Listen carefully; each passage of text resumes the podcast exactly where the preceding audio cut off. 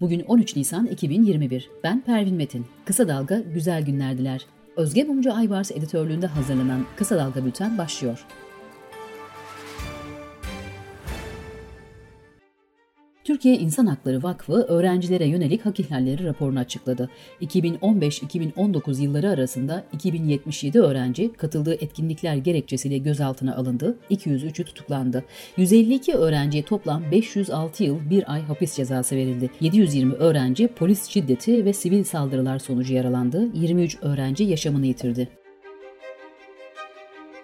Türkiye'nin çeşitli kentlerinde billboardlara astığı 128 milyar dolar ne oldu afişleri toplatılıp Cumhurbaşkanı hakaret soruşturmaları açılırken CHP'den yeni bir hamle geldi.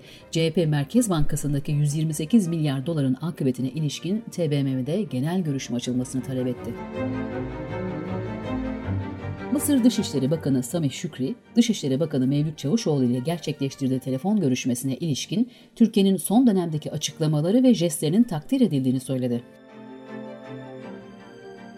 Sosyal medyada 12 Nisan tecavüz gibi etiketlerle kadınların tecavüze uğramasını, katledilmesini teşvik eden paylaşımlar infial yarattı. Emniyet Genel Müdürlüğü 12 Nisan etiketli paylaşımlara soruşturma başlattı. Açıklamada bu paylaşımlar içerikleri itibariyle sosyal medya terörüdür denildi.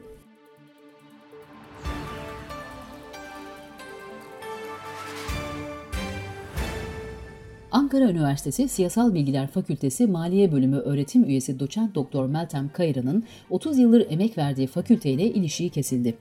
Kayran, üniversiteden 90 akademisyenin ihraç edildiği 2017 yılında Eğitimsel Şube Başkanıydı ve ihraç kararlarına karşı çaba harcamıştı.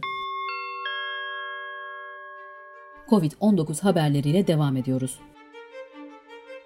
Milyonlarca kişi aşı beklerken İstanbul Tıp Fakültesi Dekanı Profesör Doktor Tufan Tükek, BioNTech aşısı için randevu alanların aşı olmaya gitmemesi sonucu o dozların ziyan olduğunu söyledi. Eğitim İş Sendikası Genel Başkanı Orhan Yıldırım, yüz yüze eğitimin başladığı 45 günlük sürede 26 öğretmenin koronavirüsten yaşamını yitirdiğini açıkladı.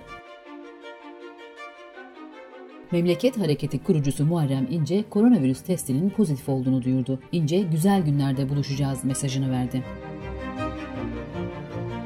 Sağlık Bakanlığı'nın paylaştığı son verilere göre 11 Nisan itibariyle Türkiye'de toplam 18 milyon 515 bin 826 doz COVID-19 aşısı uygulandı.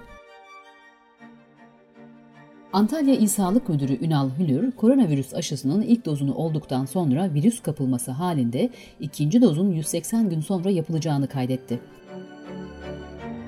Çin Hastalık Kontrol Merkezleri Direktörü Gao Fu, kamuoyuna Çin üretimi koronavirüs aşılarının etkisinin düşük olduğu şeklinde yansıyan açıklamalarının tamamen yanlış anlaşıldığını söyledi.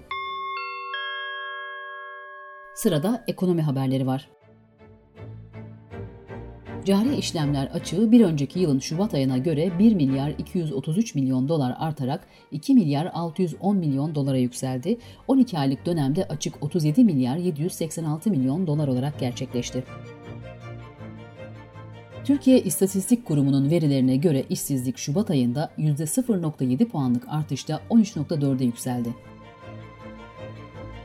Migros'ta tek tek ambalajlanarak satılan domates gündeme oturdu. Tekli ambalajda satılan pembe domatesin kilogramı 12,59 TL. Migros Hizmet isimli sosyal medya hesabından yapılan açıklamada hijyenik amaçlı yapılmış olsa da uygulama hatalı olmuş. Gerekli düzeltmeyi yapıyoruz denildi. Dünyadan gelişmelerle devam ediyoruz. ABD'nin Minnesota eyaletinde Brooklyn Center kentinde pazar günü bir polis trafik çevirmesi sırasında 20 yaşında siyah genci ateş ederek öldürdü. Kentte protestolar başladı, polis göz yaşartıcı gaz kullandı. Kentte sokağa çıkma yasağı ilan edildi.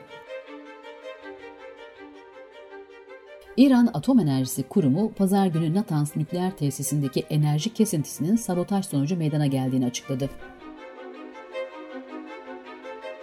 Libya Ulusal Birlik Hükümeti Başbakanı Abdülhamit Dibeybe'nin pazartesi günü resmi temaslarda bulunmak üzere Ankara'yı ziyaret edeceği bildirildi. Dibeybe'ye 14 bakanın bulunduğu bir heyet eşlik edecek.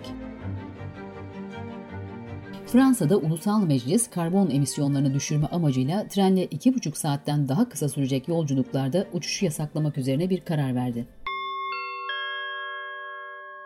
Bültenimizi kısa dalgadan bir öneriyle bitiriyoruz. Rengin Arslan, Soma'daki adalet mücadelesini anlattığı podcast serisinin ikinci bölümünde duruşmalarda yaşananları, bilinmeyenleri aktarıyor. Kısa Dalga.net adresimizden dinleyebilirsiniz. Kısa Dalga'nın podcastlerini Spotify, Apple, Spreaker, YouTube, Google Podcast platformlarından da dinleyebilirsiniz. Gözünüz kulağınız bizde olsun. Kısa Dalga Medya.